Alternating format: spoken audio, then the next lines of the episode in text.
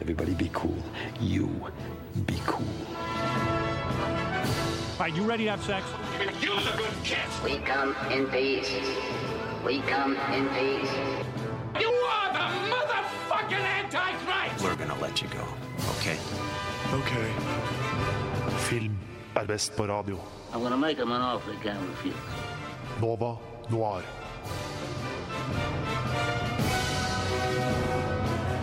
Hei og god morgen. I dag er det torsdag. Det er min favorittdag, for da kan du få høre på Nova Noir her på Radio Nova klokken ti. Jeg er Julie Katrine Oskar Andersen. Jeg er jo ikke alene i studio i dag. Det tror jeg kanskje hadde blitt litt kjedelig i lengden. Både Ludvig Viltil og Kim Sverre Hilton er her sammen med meg i dag. Hallo! Hallo. God dag. Og eh, vår magiske tekniker Ulrikke Svenne er her som alltid. Og vi skal i dag anmelde litt. Vi skal eh, skammes litt. Og vi skal få høre av Simen Andresen hvordan det er å jobbe med klipping på film. For jeg tror det er mange som tenker film er gøy, jeg kunne tenke meg å jobbe i film, og film er spennende, men hva vil det egentlig si å quote unquote, bare jobbe med film? Så vi skal få han her eh, etter vi har hatt nyheter, og høre litt om det. Men først, gutta. Hva har dere sett siden sist? Sett noe spennende, nei, sett noe spennende Kim?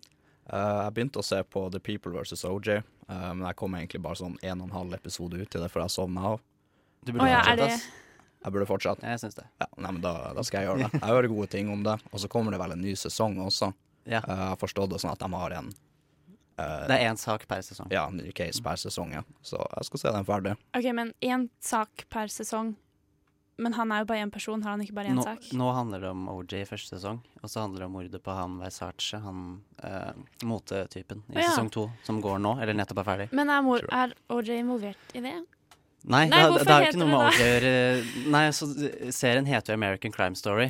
kolon, da- og så kommer det noe nytt. Da er jeg med. Ja. Greit. Sesong ok. to er liksom da OJ stjelte fra butikken, eller noe sånt. Da, ja, jeg hadde sett på det, kanskje. Jeg vet ikke. Men, så det var ikke seriens feil at du sovna? Det var din feil? Nei, jeg så den bare veldig seint. Og så er jeg veldig treg på å se ferdig serier, egentlig. Jeg er ikke sånn binge-watcher, egentlig. Nei. Så uh, Nei, det er jeg. Men uh, vi kan være venner for det om. Ludvig, hva har du Det sett på Det, Jeg har sett på Queer Eye. Netflix ja! sin, eh, sin eh, reboot av den amerikanske serien som er 15 år gammel. Det er jo Homsepatruljen kalte vel vi den når da den gikk i Norge. Oh, ja, det da, da, ja, da vi prøvde oss. Men det, det, mener du at den Queer Eye ble sendt i Norge bare ombrandet som Homsepatruljen? Eller Vi lagde en egen en som het Homsepatruljen. ja. Ja. Nei, da er jeg med. OK, greit. Og det er altså fem homofile menn som er eksperter i hvert sitt respektive felt. Som liksom skal eh, fornye en, eh, en mann, da. En heteroseksuell mann med ett unntak. Eh, og, og det er noe sjarmerende med denne nye sesongen. Noe morsomt. Fordi de, da jeg så et intervju med de fem gutta, denne gangen så handler det mer om å opprettholde normer. At uh, nå har vi kommet langt, på en måte. Ja. Eller kommer lenger, så klart, men nå har vi kommet til et punkt hvor det er normalisert på en måte å være homofil, mens for dem for 15-20 år siden så var det mer om å gjøre det akseptabelt. Det er deres forklaring, da, og hvorfor man burde se denne Hvorfor man burde se det igjen, da. Jeg så ikke, jeg har ikke sett det forrige. ja. Da var vi jo kanskje ikke helt eh, demografien for det Nei. eh, for 15 år siden. Eh, men eh, jeg syns det er eh, underholdende. De er, de er veldig kler kameraet veldig godt. De, eh, og så er kontrasten så veldig morsom, fordi de, eh, de fem er så utrolig sånn gode i kamera. Og så skal de eh, fornye en person som er så veldig klein på kamera. Så den kontrasten er sånn Det er nesten flaut noen ganger, men eh, man kommer seg gjennom det. Eh, Har du fått noen tips, da? Til hvordan, hva man kan eh, ha på seg, og hvordan man kan eh, bli kul? Litt Ja, jeg som det det prøvde jo å finne hvem av disse de fornyer som jeg kjenner meg mest i. Men jeg klarte ikke å relatere meg nok til noen av dem, egentlig. Nei, okay. Så jeg fikk vel ikke noen tips, jeg personlig. Nei, men Du er for stilig da, rett og slett, for å bli Ja, hjulpet. kanskje. Ja, jeg tror det er tilfellet. Eh, jeg har sett, jeg nevnte dette eh, for noen uker siden, men jeg har altså fortsatt å se på Stargate, SG1, og nå er jeg ferdig, snart ferdig med sesong fire. Hvor lenge har du holdt på? Jeg, eh, det er to uker siden jeg nevnte det sist. Eh, Så, og jeg hadde hjemmeeksamen i helgen, og da blir det fort mye titting istedenfor skriving. Eh, Så fire sesonger på tre uker, kanskje. Okay. ja, det er, si. det er ganske godt gjort. Skal snart starte med sesong fem. Som sagt, jeg er en hardcore binger. Jeg så altså Annihilation, og det snakket jo de mye om på forrige sending, så det tror jeg ikke Dere får bare høre på det. Jeg er for så vidt enig med alt det de sa. Og så har jeg sett Clueless, som var veldig gøy. Veldig kos. Eh, Simen kommer straks. Vi skal ha nyheter først. Men før det igjen, så skal vi høre kanskje min absolutt all time favorite artist som har vært innom eh, Novas A-liste for en stund siden, nemlig Åsen. Og han skal synge om Jessica.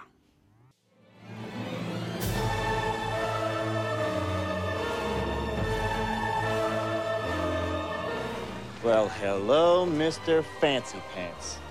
I got news for you, pal. You ain't leading but two things right now Jack and shit. And Jack left town. Nova Noir gir deg ukas filmnyheter. Ja, det gjør vi. Ludvig, hvilken nyhet har du å gi til lytteren i dag? Uh, Oslo har fått en stor ny kino i dag. Hvis da, når datoen da er eh, 22. mars. På Storo. Odeon. Odeon. Jeg vet ikke hvordan man sier det, jeg bare bruker norsk. jeg. Odeon. Odeon?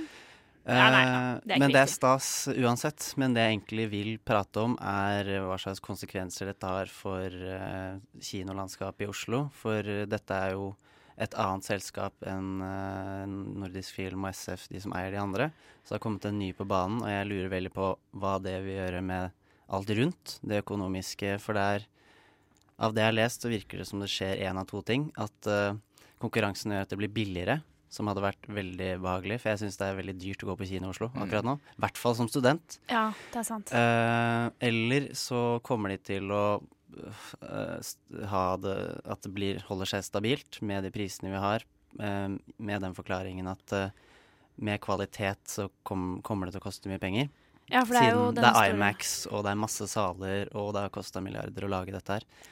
Så De må jo tjene inn det på en ja, annen måte. nettopp. Uh, altså, jeg er ikke naiv, jeg kommer til å akseptere uansett hva som skjer. Uh, men eh, ja, hva tror dere rundt akkurat det? Jeg, for min del, rent personlig, så tror jeg kanskje det kommer til å ha den samme effekten som 3D har. Typ, det er fett, men du betaler mer for noe du kanskje ikke egentlig trengte i utgangspunktet. Er- så hvor ja. viktig var det da egentlig å betale ekstra for å se en film i 3D, og så glemmer du bildet hjemme, og så må du da Plutselig brukte du 200 kroner istedenfor 128, eller hva nå enn det koster. Så jeg, jeg vet ikke om jeg kommer til å bry meg nok å få ville betale mye mer for en veldig opphevet filmopplevelse, da. Det er at du betaler for opplevelsen, for jeg vet ikke Jeg har jo fortsatt ikke råd. Det er, det er liksom det som er eh, problemet. Selv om jeg har lyst til å oppleve det. Mm. Eh, Så Nei, jeg, eh, jeg har ikke noen konklusjon på nyheten min, egentlig. Det var egentlig bare litt ventilering. Det skulle vel være landets første IMAX-kino, skulle ikke det? Jo, det blir jo det. Det blir jo spennende. Jeg har vært, på en, jeg har vært faktisk på en IMAX-kino I USA? i USA Oh. eh, da jeg bodde der. Eh, På utveksling i fjor. Eh, og så eh, Batman The Lego Movie, eller The Lego Batman, ja, den på IMAX. Så det var jo jævlig fett. Men alt er jo litt billigere der borte, så det var jo som en normal kinobillett her. Så jeg vet ikke hvis Nå spekulerer vi jo kanskje, men hvis den, en billett der kommer til å koste oppimot 200 kroner, da, kanskje, og så skal du ha popkorn, og du skal bruse, og du skal ta med barna, det blir jo fort eh, ganske mye penger. Det, er Det gjør altså. det.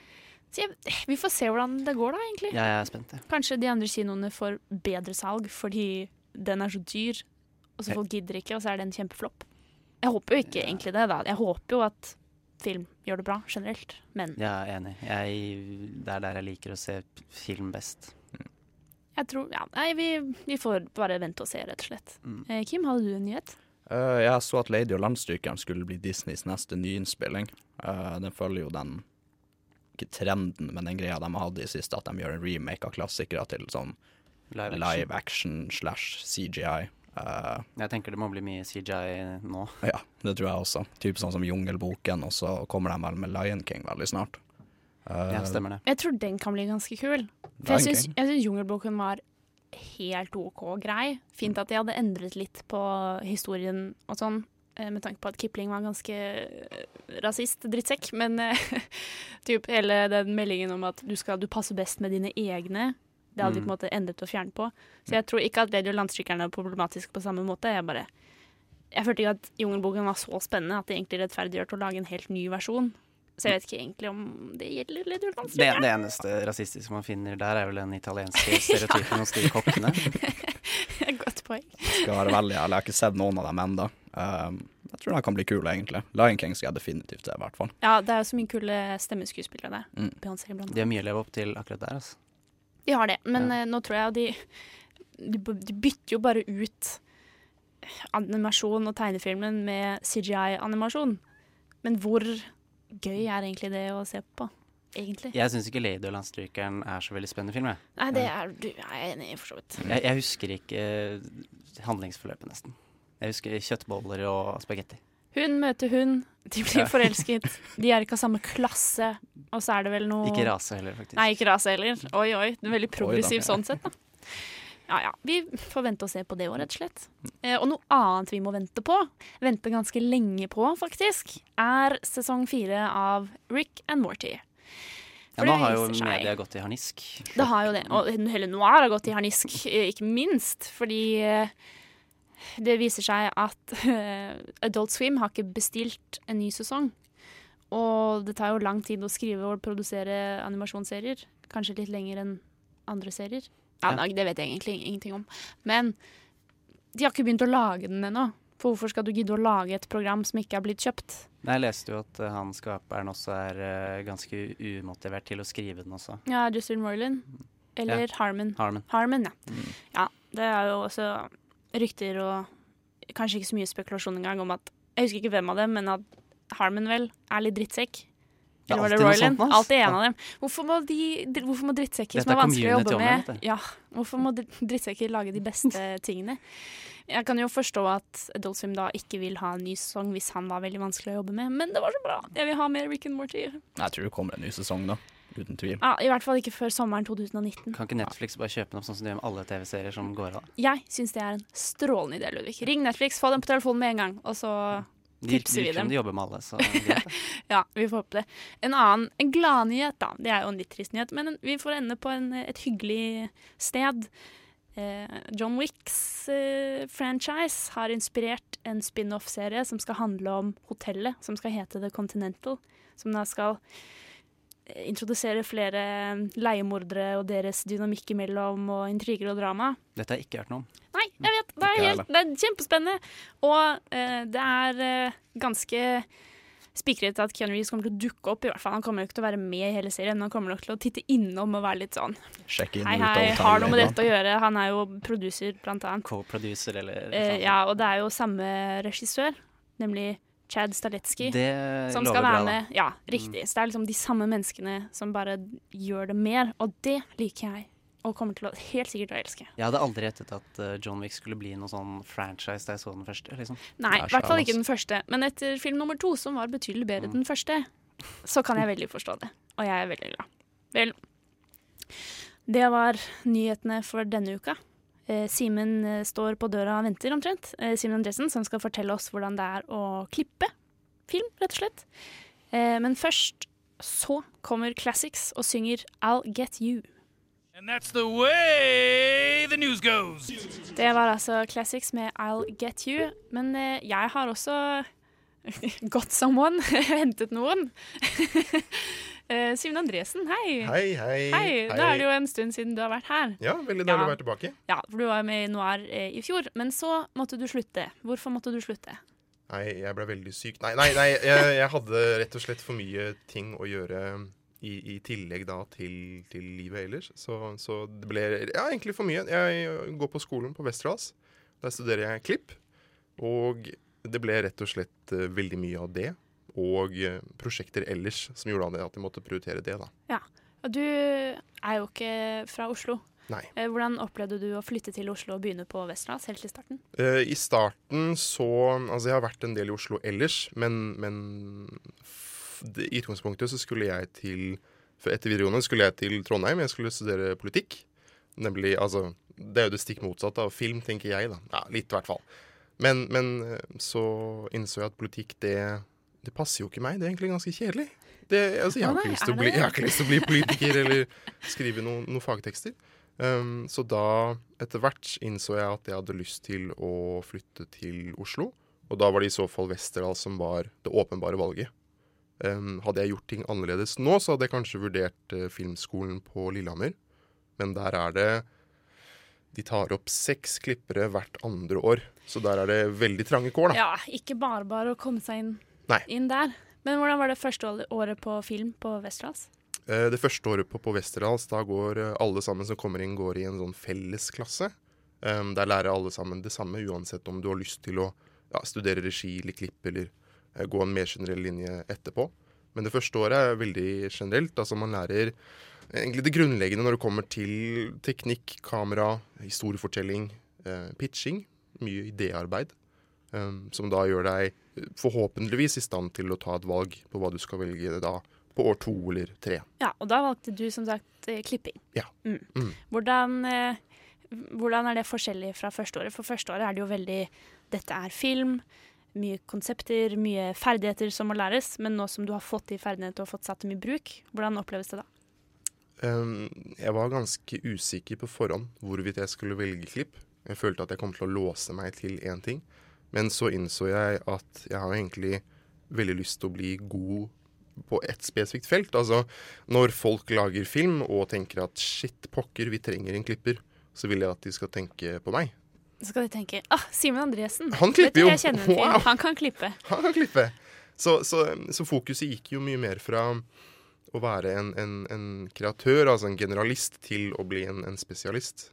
Man kan jo, jeg tenker man kan jo være film, eh, jobbe i film uten å lage Eller være ansvarlig for det som er i filmen, men å jobbe med filmen på andre måter. Mm. Og det er jo flere jobber enn å være skuespiller og regissører. Men det er jo ofte de mest glamorøse rollene, da. Eh, og, eller yrkene som man ofte tenker på. Men hva slags andre yrker er det bak eller sånn på et filmsett som man kanskje ikke tenker på? Mm. Um, sånn som nå, altså det som løper på, på min linje går, så har vi nå produsert eh, en stor kortfilm i forrige semester. Og nå holder vi på med dette semesters eh, kortfilm. Og da er vi vel 12-15 stykker på sett hele tiden. Og da er det jo selvfølgelig eh, regissør, fotograf, men du er også eh, B-foto. Du har kameraassistenter, eh, du har sminkører, du har skriptere. Du har manusforfattere kan kanskje komme innom. Du har veldig mange andre roller da, som alle gjør sin del. Altså alle er en liten tannhjul i det store, I store, i det store maskineriet. eh, som alle bidrar for å forhåpentligvis fremme eh, historien. Som det er det jeg har erfart, erfart hittil, er at det er det som er alfa og omega uansett.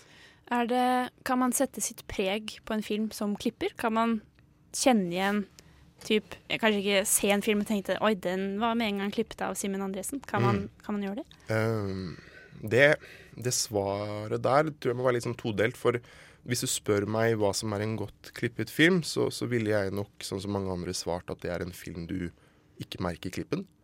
Um, hvis klippen er såpass sømløs fra scene til scene, fra bilde til bilde, at man ikke merker at eh, det er det, at du ikke blir dratt ut av handlingen, så, så er det en, kanskje en godt klippet film. Så det er litt som aircondition. Er det bra, så merker du ikke at det er bra. Ja, Ja. det er, ja, ja mm. Kanskje ikke så glamorøst, men ja, klipping. Litt som aircondition. Ja. Men, men, men ja, mange vil nok si det, og jeg sier jo det sjøl òg. Altså, hvis jeg sitter i en kinosal, og jeg setter meg ned, filmen starter, eh, lyset går av, og jeg bare forsvinner i to timer, så er jo det for så vidt en godt klippet film. Men, men hvis du skal f.eks.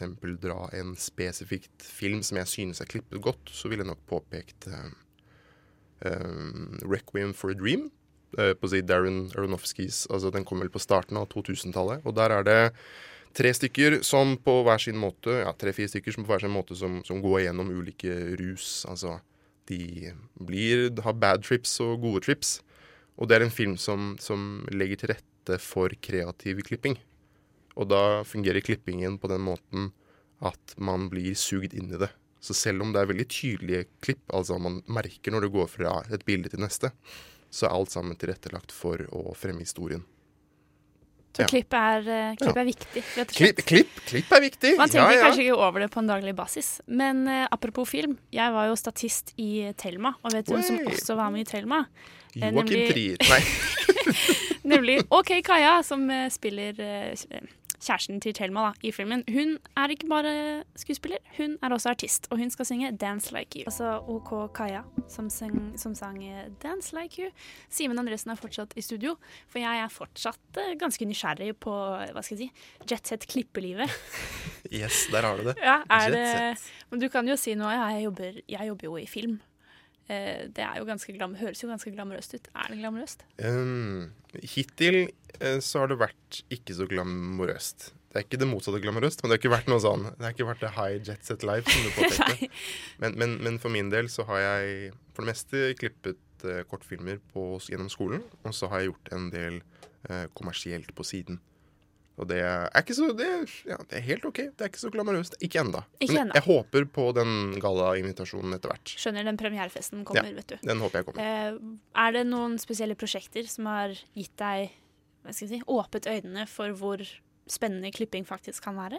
Mm, um, Eller hvordan man kan bruke klipp på en hvor, ja, Kanskje hvordan man ikke tenker på klipp Mm, så godt. Det var nok den, den første oppgaven vi gjorde eh, på skolen i fjor, hvor jeg virkelig da ja, som du sier, fikk øynene opp for klipp. Det var en, en film hvor alle i klippeklassen skulle klippe den samme. Det var et tidligere studentprosjekt som vi fikk alle råfilene til. Um, og da, når vi satt i klasserommet på slutten og da så gjennom alle de ulike versjonene, så øh, viste det seg jo at det var jo helt vilt ulike å si interpretations, for å si det på godt norsk, av denne filmen. Den, den spillefilmen, altså den kortfilmen, ja, den, den endte opp på min del enten på seks minutter. For hun ved siden av så endte den på fire og et halvt. Og så var det noen som klippet en ekstrem lang sekvens midt i, som da endte opp på en elleve minutter. Og, og bare det at man med likt utgangspunkt kunne få så ulike resultater, det gjorde at jeg ble veldig klar over det.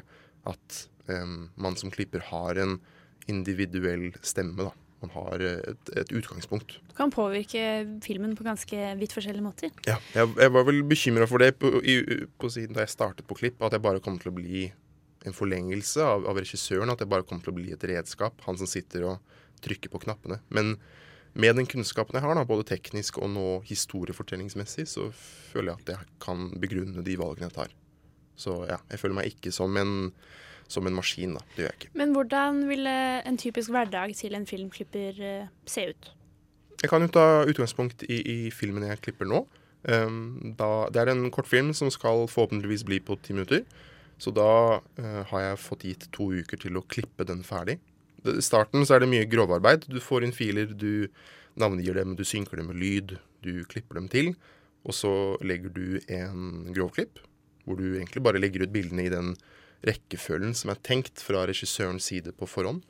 Og så får man en regissør, kanskje noe feedback fra den andre, og så ser man at oi, det her funka jo ikke. Eller oi, det her funka kjempebra. Og så tar man den derfra. Man ser gjennom materialet veldig, veldig mange ganger. Blir du litt lei? Ekstremt. Ja. Altså det, det er en evig kamp mot å bli blind på materialet. Med en gang man blir blind, så må man ta seg en pause. Man må gjøre noe annet og, og egentlig bare mm, ja, gi det tid, da. Så man ikke mister den kritiske sansen. For det det, det, er det eneste man egentlig som man skal ha fokus på. At man, man skal helst som klipper ikke ha vært med på sett. Man skal helst ikke ha følt på kroppen hvordan det var å ta det bildet. For det er ikke sikkert det bildet blir med i den endelige filmen. Sånn som hvis man Å, herregud, vi sto der elleve timer, og Fredrik begynte å blø fra nesa. Det var helt sykt, herregud. Det bildet vi kosta jo 20 000. Vi skulle ha det steadycamen, ikke sant? Og så er det ikke sikkert at det blir noe av det. Og da må man som klipper være eh, såpass upartisk, da. Såpass kritisk til materialet at man kan bare fjerne det. Men har du fått være på noen sett, da? Noen Ja, det har jeg faktisk. Um, sånn som det er på skolen nå, så, så er det lagt opp til at jeg klipper en film, og så er jeg skript på en annen samtidig. Hva, det, hva vil det si? Ja, det, det, det sa jeg òg da jeg først fikk vite at jeg skulle være skript. Um, det er en eh, Det er ganske Faktisk nå så er det manko på det i Norge, så hvis det er noen der ute som hører på, som har lyst til å kanskje jobbe i filmbransjen, så Hot tip her på noe nå er bli skrifter. bli skrifter. Nei, um, du, på forhånd så går du gjennom manus og um, skriver ned alle slags mulige kostymer, sminketilstander og uh, props som er viktig å huske på. Når man da er på sett som en skript, så skal man se på monitor, man ser spillet si, utarte seg, og så følger man med i manus på om ting blir sagt riktig, hva som vi eventuelt mangler. Så For å si det sånn. En, en skripter skal alltid passe på kontinuiteten. Så fra bilde til bilde så skal man passe på at koppen sto for høyre for skuespilleren, og at koppen hadde så så mye vann i seg, f.eks. Så alle disse videoene på nettet hvor de påpeker ha-ha, se i Marvel, så har du kappen over her og håret der. eh, det er sånne ting man skal passe på, da. Blant annet. Virker veldig detaljorientert. Ja, det er det, altså. Absolutt. Men, men ehm, sånn som jeg har erfart selv òg, hvis, ehm, hvis Si at håret ditt er på høyre side i et bilde. Så lenge det er logisk at det kan ha gått til venstre side i neste bilde, så kan man la det være. Men det tenker jeg ganske ofte på, faktisk. I hvert fall når damer har veldig langt hår, så tar man og legger det over skulderen, og så Mm. plutselig er det tilbake, Mm. ikke over skulderen. Og så er det litt sånn Det er ikke helt Så fort skjer ikke det. Så hot tip, da. Folk med langt hår, bare, Bare ikke- flyr bare ikke over skulderen helt av seg selv. Kutt av, eller eventuelt legg det på én side hele I tiden. alle buzzcut, rett og slett. Men helt, eh, helt til slutt, er du, er du glad for at du gikk på Vestlands og begynte å bli klipper? Vil du anbefale det til noen andre som var, kan, kanskje har vært i lik situasjon som deg? Tenkt på å begynne med fyr, jobbe med fyr? Mm. Um, for min del så var det jo en debatt hvorvidt jeg kom til å bruke såpass mye penger på det å gå på en privatskole. Det er jo dyrt, det er ikke noe man kan på si unnskylde det. Ja, vet hvordan det er. Mm. ja. Og nå blir det jo Høgsko Høgskolen Kristiania avdeling Vesterålen. Men, men um, for min del så vil jeg gjerne bli kjent med andre likesinnede som brant like mye for faget som det jeg håpet at jeg kom til å gjøre. Um, så ja, jeg for min del absolutt verdt det. Det er det. Og jeg føler meg nå Det er jo selvfølgelig opp til hver enkelt person at man må jo legge inn arbeid selv. Men, men sånn som løpet har gått hittil, så føler jeg at jeg eh, i hvert fall får utviklet meg da, klippemessig.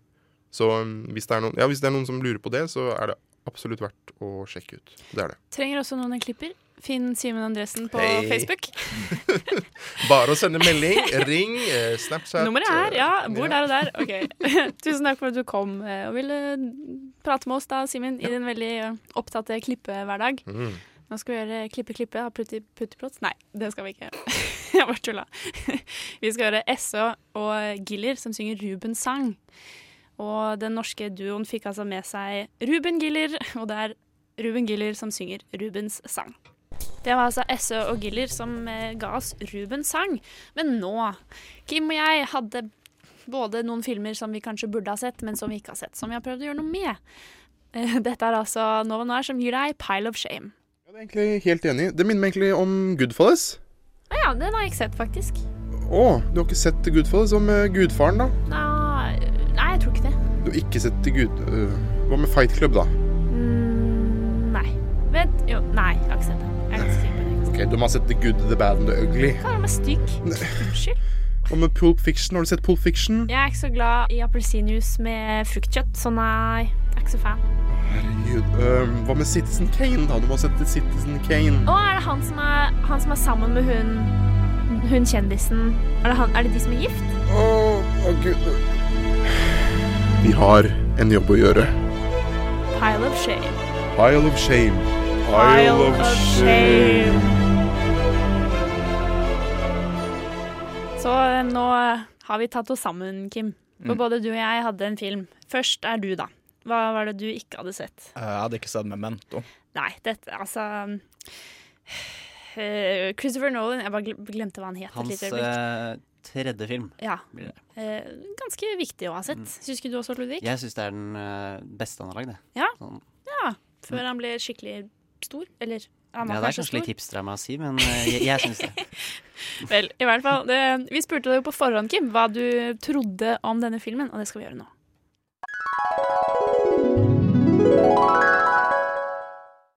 Jeg vet ikke, jeg føler at det må være noe sånn déjà vu-greier, kanskje. Ja. Uh, Mannen er for evig fanga i et minne som han må unnslippe. Uh, ja, noe déjà vu-greier, kanskje. Noe déjà vu-greier. Har det noe særlig Det er jo Christopher Nolan som har laget den. Mm. Gir, gir deg det noe ekstra Å ja, da er det kanskje sånn eller sånn? Eller noen idé? Mm, Han er jo ganske Har en eh, tydelig visjon med filmene sine. ja Uh, Nei, jeg vet ikke. Jeg har egentlig lite å si mer noe intellektuelle greier. Uh. Tror du du kommer til å like den, da? ja, egentlig. Jeg tror faktisk han har sånn 100 eh, hit rate på om jeg liker filmene hans eller ikke. Så uh, oddsen er der for det. Ja, Da får vi se hvordan det går. Mm. Så oddsen var eh, positiv. Nå har du jo sett Memento. Ja. Du hadde jo for så vidt rett. Og først, først. Eh, nå kommer det en liten eh, Spoiler, spoiler, spoiler. Så har du, ikke, har du ikke sett Memento? Shame on you, altså. Mm. Så nå kommer vi til å spoile Memento til de grader. Det må til, altså. Eh, så du hadde jo rett, da. Det var kanskje ikke helt déjà vu, akkurat, men Det eh, var vel egentlig stikk motsatt. det var vel, var vel akkurat det. Hva, hva kan det hete? Nei, jeg vet ikke. Men eh, hva, hvordan var det å se Memento? Um, jeg må bare beklage for forhånd hvis tankene mine er litt sånn all over the place, men det er litt fordi filmen også var det. Um, det var en veldig intens film å se, for tingen er at mesteparten av historien blir fortalt fra Å til A istedenfor fra A til Å, da. Uh, så man begynner på en måte egentlig i slutten av filmen, og så jobber man seg sakte bakover da, uh, for å se hva som faktisk har skjedd. Tok det lang tid før du skjønte at den gikk baklengs? Uh, kanskje litt lengre tid enn det burde. For det, det er alltid lettere å se den gang nummer to, tror jeg. Ja. Men eh, eh, var den veldig forvirrende? Um, den var ganske forvirrende, i hvert fall på slutten. Um, jeg syns det var en veldig veldig åpen slutt. Det kan være at jeg ikke fikk med meg alt. Uh, jeg prøvde virkelig å følge med så godt jeg kunne på en film, for jeg følte at hvis man på en måte gikk glipp av ett sekund, der, så kunne man gå glipp av noe som var veldig viktig. Uh, fordi han går jo på en måte tilbake i historien, og så uh, får man oppklart de fleste av spørsmålene som på en måte man stiller seg i begynnelsen. Ja, men hva er det Memento handler om? Uh, det, handler om en, det handler om en mann som um, lider av en form for hukommelsestap, eller det var heller det at han aldri Han kan ikke produsere nye minner fra et tidspunkt. Riktig. riktig. Så uh, han husker ting som skjedde før han hadde ulykka, uh, som forårsaka det. Så han husker hvem han er, han husker hvem kona hans er slash var. Uh, jeg tror han husker bilen sin og sånne ting, men han husker ikke at han, hvis han har vært på butikken for 20 minutter siden, så husker han ikke det. Han husker ikke hva som skjedde i går. Ja, Han har vel en tidsramme på 15 minutter, er ikke det? Jo, noe sant sånt. Ish. Ja, noe i Ja. den duren. Eh, Så han må jo skrive ned masse notater og sånne ting om på en måte hva som har skjedd. Eh, Og det han gjør da, er jo at eh, samme dagen da, som han angivelig skal ha fått en ulykke eller blitt utsatt for den, så blir jo kona hans drept av en person. da. Eh, Og han prøver å finne ut hvem det er. Johnny G. Johnny G. Jupp. Um, Det er det eneste han har å gå på. Og så prøver han vel å finne, finne morderen. Og ta igjen, rett og slett. å finne, prøver å finne morderen, ja. Eh, Så det begynner jo egentlig filmen med at han Finner den. Han finner den. ja. du Han gjør jo det. den. Eh, han uh, blaster ned noen. Det var han eh, Hva han heter Mm. Politimannen. Ja, han politimannen. Ja, han som ser ut som en hakket shady barnehageonkel. Um, Veldig god beskrivelse. Det er kanskje den barten. Jeg tror, ja, Og brillene. tingen er at jeg føler at han burde investert i en sånn båndopptaker, egentlig. Det hadde jo vært en mye bedre idé enn de dumme polaroid-bildene hans. Nå må du ikke være for logisk her. Ja, det var jo det, da. Eh, det har kanskje ikke blitt så veldig bra film eller historie ut av det. Um, men så har du også, samtidig som man på en måte går tilbake i denne historien og prøver, man på en måte får finne ut hva som har skjedd, eh, så er det noen scener også som er i svart-hvitt, hvor han sitter på hotellrommet sitt og snakker i en telefon med noen. Jeg tror aldri man får vite helt spesifikt hvem det er han snakker med, eventuelt om han snakker med noen. Og um, da forteller han en historie om en annen kar som het Sammy, som også har samme greia, da. Som når vi da får se scener med Sammy, så er han en eldre mann. Det er jo eh, De sekvensene som går i sort-hvitt, de går jo i riktig rekkefølge. Mm. De går fra én til ti, eller hva søren. Ja, det er der mind, mindfucken begynner. Riktig. Mens de i farge, de går baklengs. Så alle korresponderer med et nummer. Og jeg- da de filmet det, så var det sekvensen var bokstaver, og den andre sekvensen var nummer, og så korresponderte det med hverandre. Men eh, jeg vet ikke hvilken rekkefølge det blir filmet, men høyst forvirrende film, som du sier. Ja, altså. Og det er jo noen ganske store twister der inne, blant annet med hun Trinity fra Matrix. hun er jo også med. Men, eh, Carrie Ann Moss. Carrie Ann Moss, det er det hun heter. hun så kjent ut. Ja, ikke sant? Riktig. Eh, Men eh, hva, vil du si at uh, du var litt, følte du litt skam over å ikke ha sett den? Nei, ikke egentlig. Uh, hva jeg skal si, jeg har en sånn liten liste over filmer som jeg føler at jeg burde ha sett om jeg går gjennom. Uh, jeg glemmer veldig av den lista. Men den var ikke på lista. Den var egentlig ikke det. Nei, Men uh, jeg er veldig glad jeg så den. da. Pre-Batman, Christopher Nolan. Kanskje når man egentlig bare er litt hipster og tror at vi er enige med alle når vi snakker om film man burde, burde ha sett. sett. Men du, alt i alt er du glad for at du så Memento. Jeg er glad jeg så Memento. Jeg syns det er veldig gøy å se de her filmene og seriene som blir fortalt fra perspektivet til hovedpersonen, eh, når hovedpersonen da er veldig sånn uberegnelig eller Gæren. eh, utilbøyelig. Ja, gærent. Det kan ikke være forteller, liksom. Typ Mr. Robot eller Fight Club. Ja, jeg liker også sånne filmer. Jeg, jeg tror jeg, Det var ikke med vilje, men jeg visste på en måte greia før jeg så filmen første gangen. Så det sparte meg for veldig mye vondt i hodet. Eller mye sånn Jeg skjønner ikke hva greia er. Så jeg, kan ikke helt, jeg fikk ikke helt den autentiske opplevelsen. Men når det er sagt, så er jeg veldig glad for at jeg visste det på forhånd, for nå trenger jeg ikke å se filmen to ganger for å skjønne greia. Så det er jeg egentlig litt fornøyd med. Jeg har bare Um, prøvd å motstå fristelsen til å google hva som faktisk er greia med filmen. eh, sånn at jeg på en måte Men nå kan du gjøre det, for nå har du jo sett den. Det er jo gjøre innafor. det, ja. Det fins en uh, superfan på nett som uh, har sett filmen i alle mulige kombinasjoner som går. Sekvensene sekvensen ja. Det virker jo litt spennende. Det virker som et prosjekt. Jeg tror han har klippa den til selv for å få det til å funke. og sånn. Ja, det er spenstig. Jeg vet ikke hva det hjelper, eller om man bare er supernerd. Kanskje begge. Ja, vi skal ha en um, Pile of Shame til, for jeg hadde tidligere ikke sett Shawshank Redemption. Huff da. Og det er kanskje litt større skam enn Memento. Så vi skal få høre det, um, hvordan det gikk. Først vil jeg også bare si det finnes jo en annen film hvor hovedpersonen har korttidshukommelsestap, og det er The 51st Dates med Adam Sandler og Drew Barrymore. Så du kan jo se den nå, da. Se hvordan den eh, kan sammenlignes med Memento. Jeg tror jeg står over. det. okay. ja, jeg klandrer det ikke. Før vi skal høre hva jeg syns om eh, Shawshank Redemption, så skal vi få høre Mokri som synger The Body That Beats.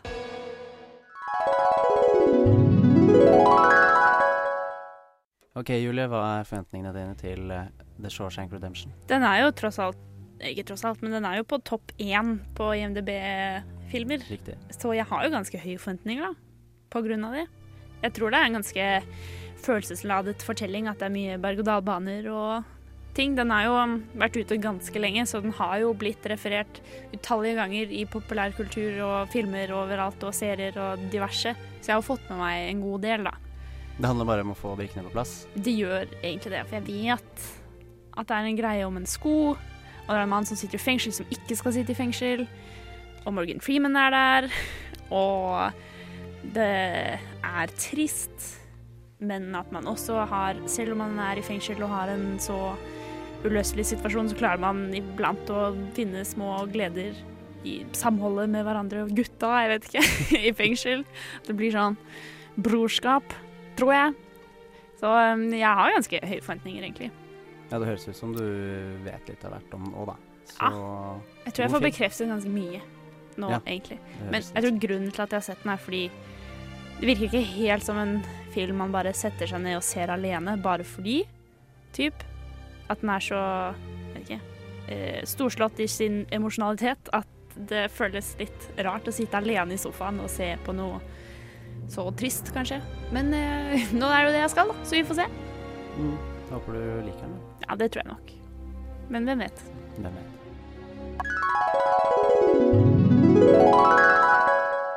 Ja, hvem vet? Eh, ja, hvem vet? Jeg vet. Og min venninne Rebekka, som jeg fikk til å se den med meg, tror hun likte den også. Hun har ikke Oi, sett den heller? Sa jeg at jeg likte den? Ja, Oh, oh. jeg, jeg Ja, da. Du likte den. Ja, men nå må vi komme med en ny eh, Spoiler, spoiler, spoiler. ad advarsel. For vi kommer til å spoile. Jeg gjorde jo det litt i klippet før, men eh, den kom altså i 94. Ja, og det er vel ikke for galt. Nå hørte vi jo mange ting eh, som du kanskje visste om filmen, eller halvveis visste. Hva var det som overrasket deg, hvis det var noe? Det var egentlig ikke så mye som overrasket meg. Jeg tror jeg hadde ganske klart bilde om filmen på forhånd. Det var ikke så mye eh, fokus på brorskap og gutta, som jeg trodde kanskje det var. Det er vel egentlig bare brorskap mellom Morgan Freeman og uh, han andre. Andy Dufresne. Ja. Uh, riktig. Og det var uh, Jeg hadde jo for så vidt rett at det var en ganske emosjonell film. Jeg gråt ikke da, det var ikke en helt uh, gråtfilm. Og jeg tror kanskje den var litt sterkere å se i 94 enn i 2018. eh, med tanke på vold og tematikk og diverse. For det er jo ganske mye Det er jo ikke gøy å sitte i fengsel. Du blir banket, og du blir voldtatt, og det er ikke moro i det hele tatt. Eh, og de toucher på de temaene, men de viser det veldig ikke direkte. Ja, og så er den kulturen, fengselskulturen liksom helt annerledes i USA enn fra europeere, føler jeg. Helt jeg. riktig. Jeg føler meg veldig distansert av amerikanske actionfilmer og TV-serier. Jeg tror hvis det hadde vært i Norge, og det hadde vært et norsk fengsel, så hadde det jo blitt typ Ja, du fikk en livstid, det er 21 år. Og så hadde filmen vært over, fordi de prøver jo bare å rømme etter 20 år har gått forbi eh, i dette fengselet. da. Eller det er Andy Dufresne som rømmer. Morgan Freeman liksom, sitter og tar tiden sin. Men eh, For rømningsscenen hans er jo en eh, ganske veldig kjent scene. Ganske legendarisk når du ser hvordan han har gjort det. jeg hadde jo rett med det med sko, da. Det Ja. hadde jeg jo rett i. Det var, veldig, det var morsomt. Eh, nå kunne man jo gjette seg til hvordan eh, ting ville gå på slutten. Det er jo ganske klare frampek i hele filmen. Jeg syns ikke filmen er noe vanskelig. Nei, ikke i det hele tatt. Men eh, det er jo ikke en dårlig ting. Nei, altså Jeg tror kanskje den er på toppen av IMDb-lista fordi den er veldig tilgjengelig, og samtidig bra lagd. Det vil jeg si meg enig i. Jeg ble overrasket over hvor godt laget filmen var, og hvor effektiv den var i sin historiefortelling.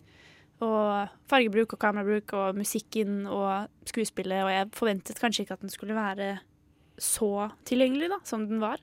Men som du sier, det er vel derfor den er på førsteplass. Ja, og så belager de seg veldig mye på dialog, som mange Mange har kanskje litt dårlig tålmodighet, da. Men akkurat her så ser det ut som folk klarer det. Det liker jeg veldig godt. Mm. Dialog er fint. Det viser eh, karakter og relasjon, og det var jeg veldig glad i. Det er jo det som er viktig med historiene. Ja, og det brukte, de brukte jo god tid. Det, historien går jo over eh, 30 år eh, pluss. Jeg sitter lenge, i hvert fall. De kunne kanskje jobbet litt mer i sminkeavdelingen og få det til å se ut som om skuespillerne hadde blitt 20 år eldre, for det kjøpte jeg ikke helt på slutten der. Nei, der. er men, helt enig. eh, men bortsett fra det, så har jeg på en måte ikke noe negativt å si. Å, nei, OK, én en ting til kom jeg på. Den er også litt lang. Den er to og en halv time. Selv nå i 2018 når filmer også begynner å bli to og en halv time, jeg syns fortsatt det er litt for langt. Det er sjelden at det kan rettferdiggjøres å være så langt, og med tanke på at per dags dato og disse standardene jeg har nå, i 2018, så vil jeg kanskje den var en smule treig. Som regel plager ikke det meg med tempomessig, men når den da er så lang, så syns jeg kanskje du ikke hadde trengt å vise absolutt alle tingene som skjedde i fengselet før han dro da. Men jeg skjønner at det handler ikke nødvendigvis om flyktningsforsøket. Det handler om liv, hvordan livet hans ble påvirket av å komme i fengsel, og hva man gjør med det, og hvordan det er å være i fengsel, og frihetsberøvelse og all den tematikken. Men vel så mye som det å rømme. Eh, Men det var for også fint å se at det ikke var hovedbæreren, plottbæreren i filmen. At alt handlet ikke om hans Det er jo ikke et rømningsforsøk. ah, Hans eh, røm, rømmelse. Røm. Flukt. At han rømte. Flukt. Takk, Ludvig. Det var veldig fint. Hans flukt. Det handlet jo nesten mer om Morgan Freeman, kanskje, vil jeg si. Det er jo han som er forteller, og som viser oss Det er han som er eh, jeg-person Det er jo det. til fortellingen. Det likte jeg også veldig også. godt. At du kan ha to hovedpersoner på den måten. Ja, de ble vel begge Oscar-nominert i hovedrolle, tror jeg. Det håper jeg. Ja, Ja, så ja, det de. er fortjent. Men dere hadde begge sett den, sant? Mm. Det ligger ikke friskt i minnet mitt, det gjør den ikke, men jeg så den på skolen, tror jeg, det er ikke andre år videregående. I hvilken sammenheng? Um, pass. Engelsk. OK, greit. Godkjent. Det høres ut som engelsk. Virker som en fin film å vise på skolen, vil jeg tro. Ja, Uh, det er jo Frank Darabont, regissøren som har lagd den, som også lagde The Green Mile. Den har du sett. Det gir veldig mening at han har laget For de det er ganske like filmer. Han, har han sittet i fengsel? Er det Kanskje. Det virker jo veldig sånn. Ja, øh, jeg liker å ha politimenn i prosjektene sine òg, som Walking Dead og sånne ting. Ja. Som er det nyeste han driver med. Ja. Uh, Tragedie. Ja, og ja, han er, jeg tror han liker triste ting. Ja. Han er kanskje litt tragisk type. Han er, kanskje han er litt tragisk. Ja, Melankolsk er vel finere ord. Suksessfull filmskaper, i hvert fall. Det er. Jeg vil jo si at jeg har følt litt på å ikke ha sett Shawshank Redemption, og den var bra. Du føler at den var i pilen din? Eh, Ja, men nå er den jo ikke det lenger, heldigvis. Eh, Men eh, det finnes jo større ting jeg ikke har sett som jeg føler er verre. Typ Mm, Skal jeg innrømme dette på lufta? Jeg vet ikke. Gudfaren. Uh, Bare for å si noe. Så det er jo en vekt som har forsvunnet fra mine skuldre. Men uh, i bunn og grunn så er det gått så lenge siden at jeg synes kanskje ikke det er så stor skam å ikke ha sett den, men jeg satte fortsatt veldig pris på at jeg gjorde det. Ja, det, eh, det at den er så høyt oppe på sånne lister og sånn på internett, preger vel litt mer. Ja, hadde, tror- hadde den ikke vært det, det. så hadde kunne den kanskje gått litt mer i glemmeboka. Jeg vet ikke. Jeg syns jo. Ja, Mm. riktig. Og personlig så syns jeg kanskje på min topp ti-liste så ligger den kanskje ikke der, selv om jeg syns den var bra. Så jeg Ja, den gjør jo- ikke det for meg heller. Nei. Men jeg syns det er en veldig fin film, i hvert fall. Det er jeg helt enig i. Den handler om mennesker. Den gjør det. Den handler veldig godt om mennesker, så liker du mennesker. Se den. Ingen, ingen dommere Ja, ser den nå. nå har vi sittet der og pratet eh, løst fast, eller ganske fast. Vi snakket med Simen Andresen om klipping, hvordan det var, og vi har gjort noe med vår pile of shame. Nå beveger vi oss inn i time to. Vi skal være her en hel time til. Du hører fortsatt på Nova Noir på Radio Nova. Og når vi kommer tilbake, så skal eh, Kim anmelde Pacific Rim Uprising, og det gleder jeg meg veldig til. Eh, Ina i mm, Noir, Ina Sletten, skal også fortelle oss Å nei, jeg bare tulla! Jeg bare tulla. Hun skal ikke fortelle oss noen ting. Hun er ikke her i dag. Jeg, jeg misforsto. Jeg trodde vi hadde noe Ida hadde laget, men det tok jeg feil om. Eh, Så bare glem det. Kim skal gi oss eh, Pacific Uprising om litt. Først så kommer Brenn med Juli. Det gjør vi. Ny uke, nye kinopremierer. Kim, du var på kino. Yes. Hva var din premiere? Pacific Rim Uprising. Oh, spennende. Mm, veldig spennende. Det er jo oppfølgeren til første Pacific Rim, da. Eh, og som handler om store romvesenmonster som kommer til jorda for å fucke opp jorda, og så bygger mennesker store roboter for å slåss mot de monstrene. The kaiju. They're gonna come back. I'm not gonna be stuck waiting for someone else to come save my ass. Cadets, you better gear up.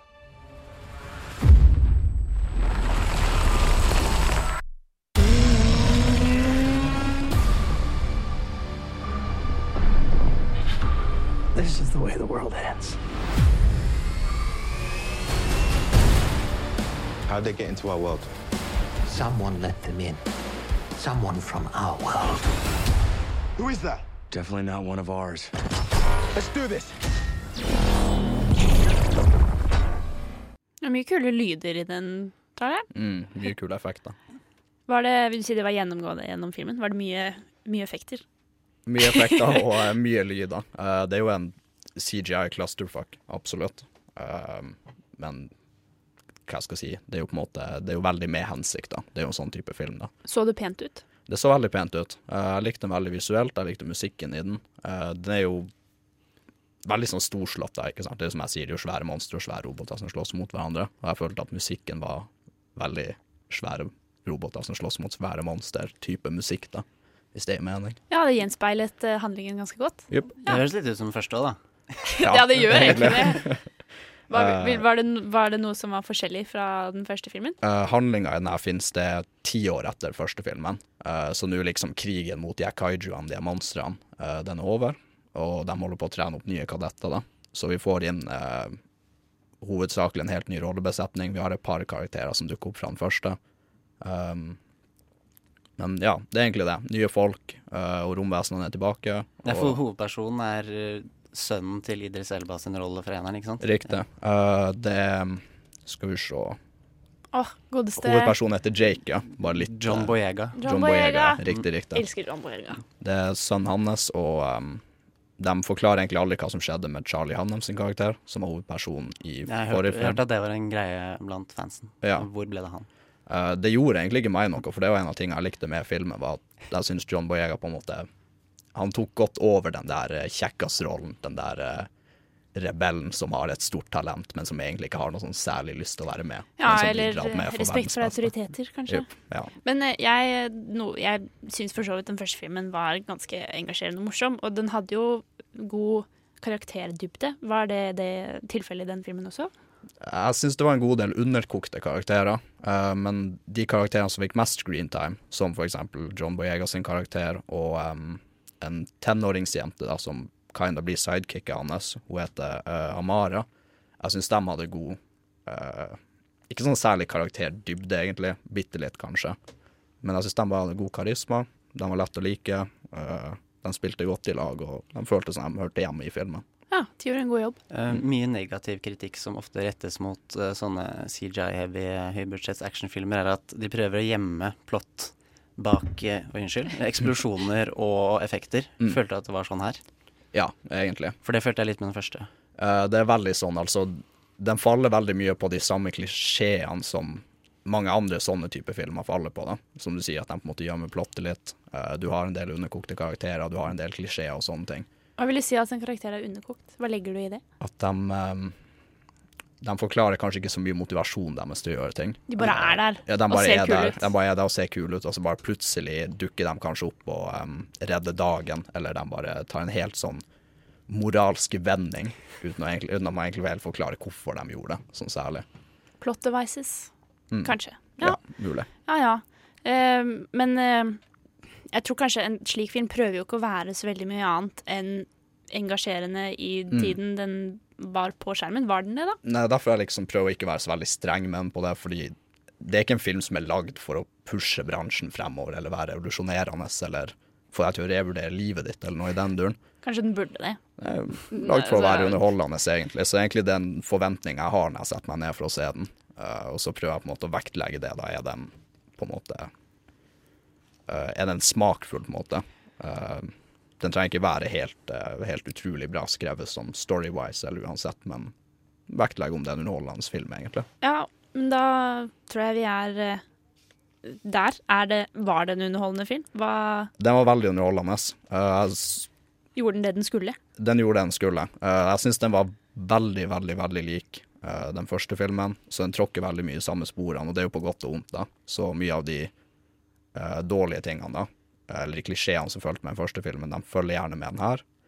Uh, men det betyr også at det som var bra med den første filmen, er fortsatt med i den her. Det er fortsatt veldig bra action, kule effekter. Jeg er litt svak for sånne svære monsterfilmer og roboter og den slags. Jeg syns det var dødskult. Uh, bygninger som blir knust, som de har lagd av legobrikker og alt det der. Stas. Ja, veldig. Uh, så ja, den levde egentlig Den var egentlig veldig som jeg hadde forventa, for å være helt ærlig. Det var ikke noe Jeg ble veldig sjeldent overraska. Det var kanskje en twist som jeg ikke var veldig fornøyd med. Ødela den opplevelsen, eller var det bare mer ah, ja, OK, da. Greit. Jeg vil ikke si at den ødela opplevelsen, men den dempa kanskje andre halvdel av filmen for meg, vil jeg si. Det er jo en ganske stor del av filmen, da. Ja, egentlig. egentlig. Um, sånn overall så vil jeg si at den kanskje var på lik linje med den første. Kanskje bitte litt under, av den nevnte twisten der. Ja, Så på en skala fra 1 til 10, så vil det bety På en skala fra 1 til 10 så gir jeg Pacific Rim Uprising 6 av ti Seks? Pacific Kimma. seks av ti. Det hørtes riktig ut. Som på radio Novians blir all right. Riktig. Yes. Ja. Riktig. Eh, vi skal jo også anmelde en film til. Jeg skal anmelde Tomb Raider litt senere. Men vi skal også prate Før vi kommer dit, skal vi prate litt om krim. Og krim som eh, sjanger, og hva det egentlig betyr. For nå er det jo snart påske, og da ser man jo krim, rett og slett. Så- I, I Norge så er det en I tradisjon. Norge. Av Det er en veldig fin tradisjon. Det liker jeg veldig godt. Men før vi kommer så langt, så skal Hanna Javer synge 'Manna Manna'. og Dette er en tidligere Alice-sang, og det er også kanskje min nummer to favoritt etter Åsen. I'm your number one fan. There is nothing to worry about. You're gonna be just fine. I'll take good care of you. Nova Noir er her for å passe ekstra godt på deg hver torsdag fra 10 til 12. Det er riktig, vi passer ekstra godt på deg. Eh, kanskje litt for godt, jeg vet ikke. Eh, nå nærmer det seg jo påske. Det blir veldig deilig. Jeg debatterer om jeg skal bli med mamma og pappa på fjellet, eller om jeg skal bli hjemme i Oslo. Jeg vet ikke helt. Sjæl. Ja. Hardt liv. Vi får, så vanskelig. vi får se hvordan det går, rett og slett. Men da tenkte jeg vi skulle snakke litt om eh, krim, eller da påskekrim. Eller da filmer man kan se i påsken, som er lettere krimrelatert. For det er jo eh, pås Jeg føler at påskekrimsjangeren, vår norske standard når det gjelder krimfilmer vi ser i påsken, og krim som sjanger, er litt forskjellig. Altså, jeg skjønner ikke sjangeren i det hele tatt. Eh, Eller det er- surrer veldig i hodet mitt, i hvert fall. Fordi når jeg hører krim på norsk, så tenker Ja. jeg en TV-serie. Ofte engelsk. Sånn Poirot, Poirot er Inspector, best. et eller annet. Uh, foil. Ja, for eksempel. Et eller annet navn. Eh, Men hvis jeg hører crime, crimefilm, da er jeg mer på sånn The Departed, Scorsese, Tarantino kanskje, type film. Men det er også veldig bredt der, da. Ja, det Så- er jeg enig i. For det er jo mer eh, crime mer enn I norske postkrim er det jo ofte mord og mysterie, kanskje. Som helst mer skal løses. Riktig. På en uh, smart måte. Det skal bli en, på en, en Kanskje ikke en happy ending, men uh, det skal konkluderes, i hvert fall. Det skal løses, Mm. på en måte. Eh, og det er jo Poirot en klassiker, så jeg tenker vi skal kanskje ikke bruke de neste minuttene på bare snakke om hvor mye jeg elsker Poirot, men eh, heller andre krimfilmer som passer da mer den crime-sjangeren, men som du kanskje burde kunne få med deg i påsken allikevel hvis du blir litt lei av mord og mysterier på NRK. Eh, og da har jeg noen forslag som The Sting, som er kanskje er en av mine favorittfilmer. Dette er jo en mer heist-type film. Eller en eh, Caper, som det også heter en gang. Caper, Ja. ja. Det vet jeg ikke egentlig hvor det kommer fra, eller hva det Det er kanskje litt mer Det er litt mer Det er vel en Caper er vel et heist bare med mange mennesker. Så Ja. dette, dette er vel en heist-film, egentlig, fordi uh, det er en intim historie, egentlig. Virkelig. Ja, dette er jo Paul Newman og Robert Redford som er eh, BFFs. Mm. Eller var BFFs. Paul Newman er jo død, så det er jo litt trist. Men den er litt treig og kanskje litt lang, men herlig. Og det jeg er digger det stinget, Jeg vet, jeg elsker den. Det oser bare av humor og glede i den filmen. Så Og så Kim, merker du at de to er så gode venner. ja, du gjør virkelig det. Det virker ikke som om du har sett den, eh, Kim. Jeg har ikke sett den Nei, i det hele tatt. men da har du noe å se i påsken. den. Har du ikke hørt om den? Mm, mm, Wow. mm, mm. Nei, da vil jeg ikke egentlig si for mye om den, for den er bare en klassisk eh, con-film, kanskje, tror jeg vi kan si, Ludvig. Ja, det er en, en heis. Hustle! Hustle-film. De høsler jo. Det er jo det Ja, de du kan kalle det Det er mye skråstreker du kan putte. Litt sånn Oceans Eleven-type. Veldig, Ja, er- veldig. Veldig, faktisk. Eh, Det kan jeg verdsette. det, ja, virkelig. Så den vil jeg at Det det, er det, alle skal du, se. det er det du ønsker vi kunne gjort med Olsenmannen. Ok. Ja, sånn. Ja, det treffer Ja. Det traff veldig, Ludvig. Du har helt rett. For de kom jo rundt samme tid da, Ja. på 70-tallet. Oi, ja, wow. Det har jeg ikke tenkt på i det hele tatt. Paralleller. Shit. Og den er så gammel. Det, det var det jeg tenkte Ja, er da, det var det jeg tenkte da jeg så det Sting. Og dette er det Olsenmannen burde vært. Ah, morsomt. ok. Og det skal jeg ta med meg. Det skal jeg si til pappa. Det tror jeg han syns er fryktelig Er morsomt. han glad i den nå? Ja, det var han som fikk meg til å se den, som jeg setter veldig pris på. Eh, det er den som jeg vil at alle skal se, og så er det Flukten fra hønsegården. Ja, det er der, jo er vi, der er vi inne på litt sånn grenseland. Det er en blast from the past. Altså, Den har ikke jeg tenkt på på veldig lenge. Den er dritgøy. Det er og det er jo, av meg, i hvert fall. Det er jo eh, Det er jo litt kriminalitet, da. Eller i hvert fall lurer de og litt sånn høsling der òg. Det handler jo om Jeg høns vet- som prøver å rømme fra en kyllingfarm. Disse bøndene, deres industri, å slakte dem og så bare mose dem rett oppi De bryter jo mange renhetslover og Mattilsynet ja, kommer til å ta dem, vet du. Mattilsynet hater de Ja, to. ja, ja. Så, ja. McNuggets. Så jeg vil jo si det er en ganske krimfilm. Og det er jo ikke noe mer som roper påske enn høns og kyllinger og egg. Ja, det er litt sant. Og det er jo veldig sentralt i, i filmen, ettersom det er en høne som er hovedpersonen. Og 90% av alle de andre karakterene. Ja. Ja. Det handler jo om uh, Mel Gibson-hanen som må komme og hjelpe hønsen ut av hønsegården. Riktig. De Ja. prøver å lære seg å fly, og så, det er helt herlig. Den, så virkelig, The Sting og Flukten fra hønsegården, litt sånn alternativ påskekrim. Nå føler jeg at det ikke var helt, føltes ikke helt riktig å si påskekrim, kalle dem det, men jeg vil allikevel, for så vidt. Men som en alternativ til større radiokanaler, så kan vel vi godt gjøre det. Mm. Radio Nova er annerledesradioen. Så da får du høre her annerledes påskekrimfilmene du burde, virkelig burde se i påskeferien. Jeg vet at jeg kommer til å se dem på nytt, i hvert fall. Ja, nå fikk jeg lyst til å se Flukten fra hønsegården. Jeg har den hjemme. Vi kan ha filmkveld i kveld. Det kan vi ordne. uh, videre så skal jeg anmelde Tomb Raider. Vi får høre hvordan det går. Først så skal Mitski synge First Love Late Spring, for nå er det jo tross alt vår, og ting begynner sakte å smelte, og det er en god følelse.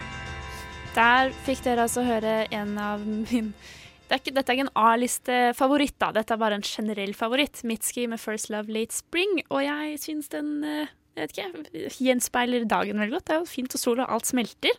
Det er veldig deilig. Eller det er ikke deilig, det er vått, men det blir veldig deilig.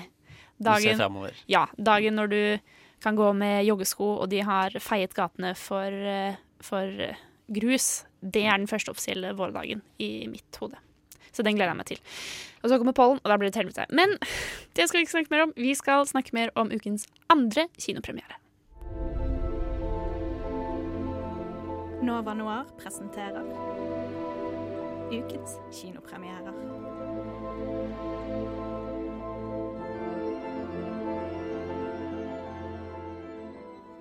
Jeg har vært på kino, jeg også. Det er ikke mhm. bare Kim som har fått gått på kino denne uka. Jeg så som sagt Tomb Raider. Og den handler om? Den handler om Lara Croft som får en beskjed fra hennes antagelige døde far. What's your name? Lara. Surname? Croft.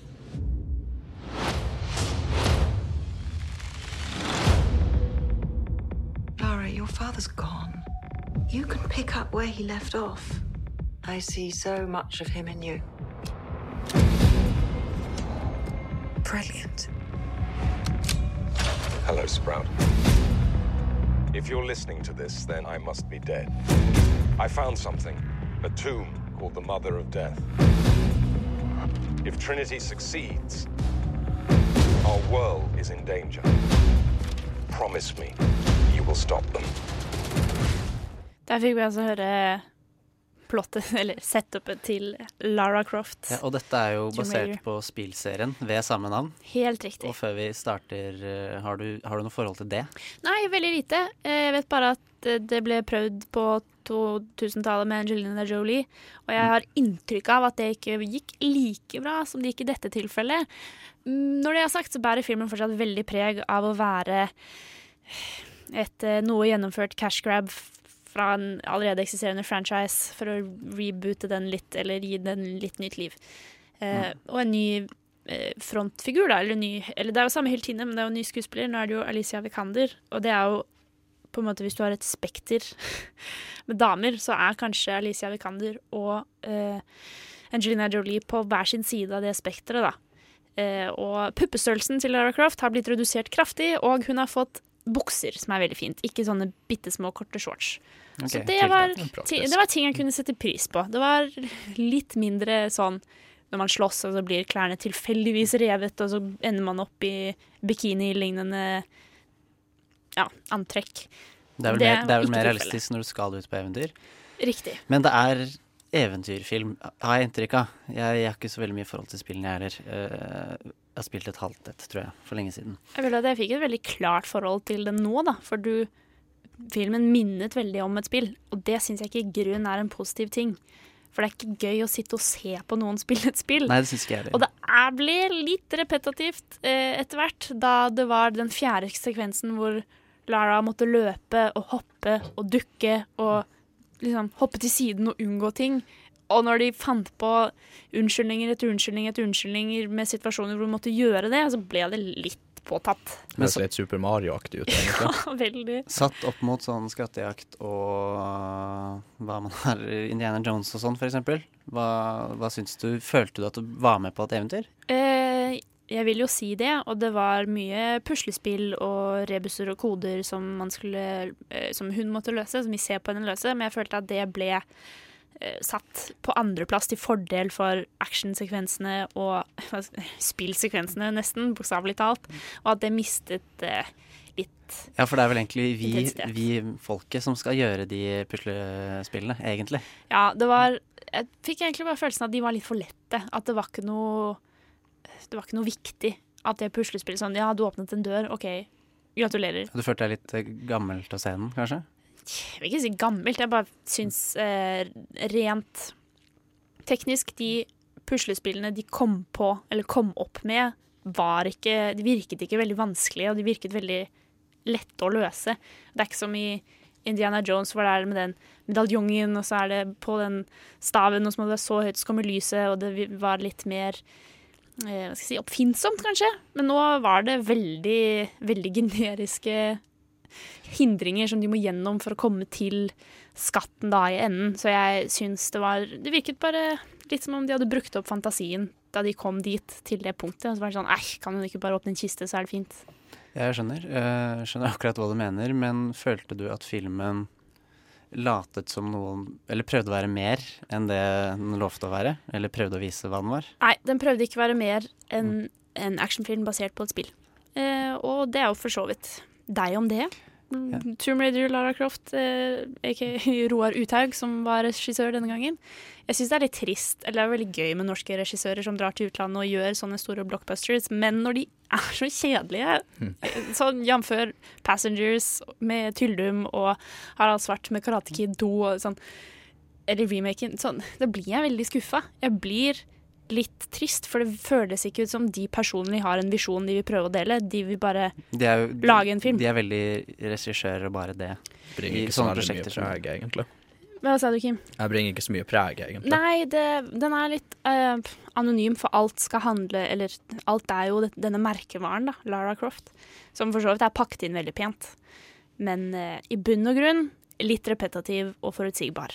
Du har jo spilt i film en ganske dårlig, et ganske dårlig rykte på seg. Det Det det. er, øh, jeg syns det er ofte er forferdelig, og i beste fall middelmådig. Ja, uh, dette det er helt riktig det, Ludvig. Uh, Ja, hvor havner den her på den skalaen?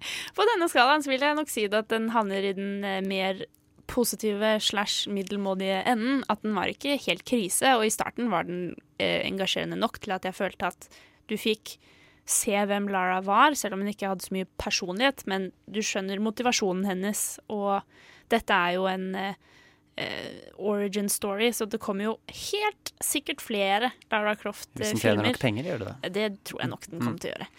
Det virker som en film folk ville betalt for å gå og se. Jeg ville ikke betalt for å gå og se den, eller egentlig anbefale noen til å betale for å gå og se den, men jeg tror nok folk kommer til å gå og betale for å se den allikevel. Mm. Uavhengig av hva vi her i Noir mener, som er litt synd. Men det vil jo si da at jeg faller på en fem av ti. Sånn, den var helt, Helt på midten. helt OK. Hadde ikke det lille ekstra som Pacific Rim Uprising hadde, som liksom humpet den opp ek ekstra poeng. Det var bare helt standard. Den fikk ikke trekk fordi den ikke var overseksualiserende og kjip, da. Så det skal den jo i hvert fall ha. Så vi Ja, det er i hvert fall bra. da. Bedre heltinnetider. Ja, men det er fint å høre. Ja, det er jo fint å høre. Vet du hva som også er fint å høre? Nei. Mer Mitski med Francis Forever. Det var altså Mitski med Francis Forever her en vårmorgen eh, i Oi, hvilken måned er det? Mars? Nei, jo, mars. jeg hadde hjemmeeksamen, det er derfor. Jeg er helt, helt surrete. Uh, vi skal høre Hanne Marie Nord, som er veldig fan av David Bowie, så hun har tatt en nærmere titt på hvordan han har gjort det som skuespiller. 10.1.2016 døde David Bowie. Han var et musikkikon for flere generasjoner som vil huskes under mange navn. Han brakte til liv personligheter som Siggy Stardust, Aladdin Sane og The Thin White Duke. Men det var ikke bare disse navnene han tok som sine. Han har også en lang og tidvis omdiskutert skuespillerkarriere. Særlig Bowies første forsøk på roller som ikke var like sære og mystiske som han sjøl, har fått mye kritikk. Men som fan i utgangspunktet er det stort sett alltid gøy at Bowie dukker opp. Som en liten hyllest til skuespilleren Bowie tenkte jeg å trekke frem noen minnerike prestasjoner. Fire filmer fra fire tiår. The Man Who Fell to Earth, 1976. Dette var den første store rollen som Bowie personifiserte, og er nok min personlige favoritt. Tegnene tyder også på at det var den rollen som lå Bowies hjerte nærmest. I realize you've made certain assumptions about me. I can see the flash of an X-ray camera. It's blinding.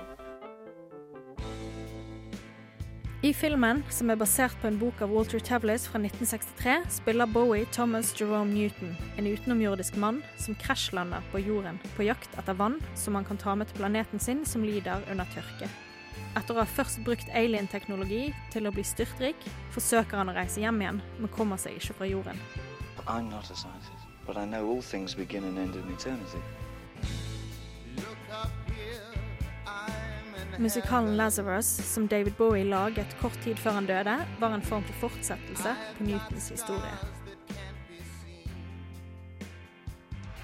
You remind me of the babe. Babe with the power. Power of voodoo. You do. Remind me of the babe. Labyrinth 1986. For mange er kanskje Labyrinth filmen de husker best å ha sett Bowie. Han spiller Jareth, den merkelige, syngende gnompongen som kidnapper et lite barn og lar søsteren prøve seg på en skummel labyrint for å redde lillebroren sin tilbake.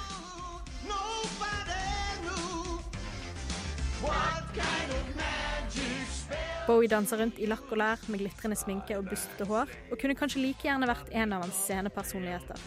Filmen ble dårlig mottatt, men har siden blitt en kultfavoritt. Dance, magic dance. Dance, magic dance. Jump, magic jump. Jump, magic jump. Baskia 1996. En rolle Bowie faktisk fikk mye ros for, var da han spilte den eksentriske Andy Warhol i Basquiat. Filmen om New York-kunstneren Jean-Michel Basquiats liv. That's just not true, Jean. I mean, you phoned me at four in the... What are you doing? You're painting out everything I do. Til denne rollen fikk Bowie låne Warhols ekte parykk, og ellers spilte han kanskje stort sett bare seg sjøl. Det får være opp til øyet som ser. Både leken og merkelig var han i hvert fall. Og mange som kjente Warhol personlig, skal ha satt pris på Bowies arbeid med rollen. Oh, that's great. System with just the M. I can't even see what's good anymore. Andy silver can't tell them apart at all. The Prestige 2006. So, this is the great Danton. Mr. Ellie has refused about your acting on any number of occasions. Her spiller David Bowie Nikola Tesla. Regissøren av filmen, Christopher Nolan, har sjøl sagt at han sleit med å finne en rett skuespiller til denne rollen, men at tanken slo han om at Nikola Tesla på mange måter var den opprinnelige Man Who Fell to Earth, skjønte han at ingen ville passe så bra til rollen som David Bowie. Bowie sa først nei, og Nolan måtte trygle helt til han fikk et ja. You're familiar with the phrase, man's reach exceeds his grasp. Is a lie. Man's grasp exceeds his nerve. Society only tolerates one change at a time. Her er det altså nok av filmer å ta en titt på om du er som meg og sørger litt ekstra over en svunnen alien i disse tider.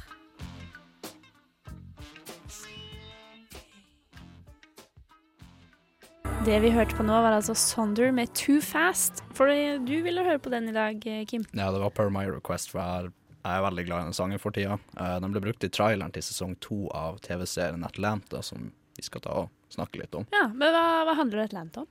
Atlanta handler om eh, en college dropout som flytter tilbake til Atlanta for å bli manager for fetteren sin, som er en sånn up and coming eh, rapper, da.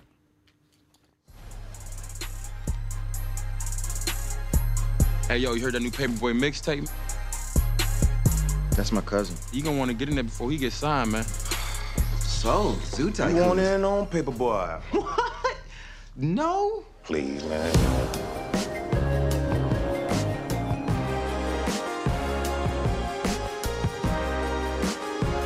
If we do this right, your kids can live good. My kids can live good.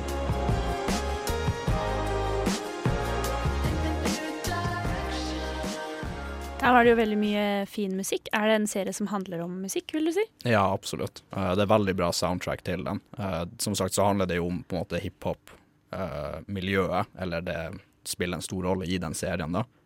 Um, det er Donald Glover som har lagd den. Jeg elsker Donald Glover! Og han er jo rapper sjøl, da, blant veldig mange andre ting. Eh, Childish Gambino. Childish Yes. Gambino, jupp. jupp. Eh, så han både spiller, eh, han har hovedrollen i den, han regisserer iblant, eh, han skriver serien, og Den er vel litt Er den ikke litt halvbiografisk òg? Han har vel sagt det. Han har vel noen historier. Mm. for Noen anekdoter. Ja, fra nyeste episoden så var det for eksempel en eh, sånn, sånn sound engineer da, eh, som klarte å krasje programmet mens det var en rapper i studio. Uh, og da liksom, da klikka han rapperen helt, da, og det endte opp med at han sannsynligvis fikk veldig mye juling. Uh, de etterlot det til publikums uh, fantasi. Men eh, det var visstnok en historie som han på en måte har opplevd da i det virkelige liv. Er det en, uh, si det er en drama eller en komiserie? Det er en komedie, uh, men det er ikke en veldig lett komedie. Den har veldig mye sånn Det kan vi like. Det kan vi. Mye elementer av drama, og uh, han ville lage en autentisk serie for afroamerikanske folk. eh, så man får se mye sånn politibrutalitet. eh, egentlig det systemet der når du eh, du vokser opp i dårlige kår, og du ender opp i fengsel fordi du må gjøre eh, ulovlige ting for å komme deg opp i, voksen, i, eh, i vanskelige kår. Eh, og så kommer du i fengsel, og så kommer du ut av fengsel, og så blir det bare vanskeligere og vanskeligere å holde seg unna fengsel, den der onde sykelen der, da. Um, men i seg sjøl så er det en komedie, og en 20-30 minutter per episode. Jeg liker det når eh, komedier tør å være noe annet enn bare ha-ha, her var det en vits. Eh, og spesielt hvis det kan være litt eh, mørk humor, og at man kan le av sin egen triste situasjon. Det kan jeg sette veldig pris på. Ja, den er veldig, eh, veldig spesiell, spesiell sånn sett. Den føles veldig sånn unik og original, egentlig. Eh, og så har du noen elementer av surrealisme, fordi det føles som en veldig realistisk serie. Den er veldig sånn uh, relatable, på en måte. Uh, men en gang iblant så vil du bare få noe sånn helt fucka random greier som dukker opp. Uh, for eksempel så hadde liksom onkelen til hovedpersonen en alligator boende hos seg i huset. Når politiet kommer og banker på døra, så åpner liksom bare døra seg opp, og det kommer sånn her romantisk musikk eller noe. Og så kommer det liksom en jævla alligator gående ut og bare legger seg og sover i buska ved siden av noe. Så det er super random Og det der fæle klippet med han der rare eleven på skolen der. Ja, med, med whiteface. Ja, han som kledde seg ut som en klovn. der. Ja, riktig. Oi da. Jeg liker også at serier kan tørre å gjøre litt eh, utenom det vanlige. At de ikke føler seg låst i en formel eller en tematikk, eller at de tør å bryte sin egen boks som kan, man kan ha skapt for seg selv. Da. Men er, eh, nå har du vel begynt å se på sesong to? Jeg begynte å se på sesong to. Holder det mål? Det holder veldig mål så langt. Vi er vel tre episoder ute. I natt kommer episode fire ut, eh, og den lever veldig opp til forventningene. Sesong én var dødsbra, syns jeg. Jeg har egentlig mast veldig mye på vennene av meg om å se den. Jeg har faktisk til og med bare sittet på sånn tilfeldige episoder når jeg hadde besøk helt ut av kontekst, bare for å «Øh, se på det her, ikke sant. Bare for å håpe at de begynner å elske det, de også. Ja, for jeg kjenner ingen som ser på det. Eh, Det kan være litt fordi det er veldig utilgjengelig i Norge. Det er ikke på Netflix eller noe sånt der, Eh, så man må på en måte være litt eh, internettmessig ressurssterk for å se det. Ja. Um, men ja, nå har jeg mulighet til å anbefale til alle som lytter på. Ja, det er uh, kanskje noe man kan uh, se i påsken. I hvert fall sesong én, hvis man ikke har sett det Mm. før. Eller på nytt, for å lade opp til sesong to. Vente mellom hver nye episode. Mm. Så det, det er godt å høre. Det er nesten litt lørdagsfølelse her i studio, vil dere ikke si det? Når det er så fint vær, og det føles nesten litt som helg. Det er nydelig. Kanskje bare fordi jeg ikke har skole i dag, men uh, Torsdagen er inngangen. jeg tror kanskje Og så er det snart påske. Jeg tror kanskje jeg bare tar helg i dag, jeg. Eh, jeg Det er fullt mulig, jeg gjør også det. ja, da kan vi gjøre det. Vi kan gjøre det sammen med Åsen, som synger om lørdag. Det er ikke lørdag, det er torsdag, men dette er Åsen som synger lørdag. Ulrikke og jeg med flere var jo faktisk på konsert med Åsen på U1 eh, på fredag, dagen jeg hadde fått hjemmeeksamen. Men det måtte jeg ta meg tid til. Rett og slett. Det var en opplevelse. Så hvis dere får sjansen til å se ham live, gjør det. Mm. Virkelig. Det var dritlættis. Så gøy. Eh, Men nok om Åsen, og nok om eh, lørdag. Det er altså torsdag i dag. Vi har snakket løst om fast om mye rart. Vi har blant annet eh, anmeldt to filmer. Tomb Raider, fem av ti. Og din film, Kim. Pacific Rim Uprising, seks av ti. Ja, så kanskje heller se Pacific Rim, da, vil jeg tro. Vi har snakket eh, bitte litt om eh, påskefilmer som kan falle under påskekrimkategorien. Det var litt alternativ der. Gode alternativer der. Det var altså 'Flukten fra hønsegården' og 'The Sting', som er veldig gøy. Vi har hørt hvordan David Bowie har gjort det som skuespiller i dag. Og hva mer har vi gjort, egentlig? Vi har snakket om hvor mye jeg har sett på Stargate og elsker Vi hadde Simen Andresen her, som Vi pratet om klipping. Det var bra du sa. Simen Andresen var innom og snakket om hvordan det var å være klipper. Hanne Marie Nord lagde innslaget om Bowie. Jeg er fortsatt, som alltid, Julie Oskar Andersen. Og Ludvig Viltil og Kim Sverre Hilton har vært med meg i studio i dag. Og vår beste tekniker er Ulrikke Svenne, og Nova Noir er tilbake neste uke. Ha det bra. Ha det. Hei da.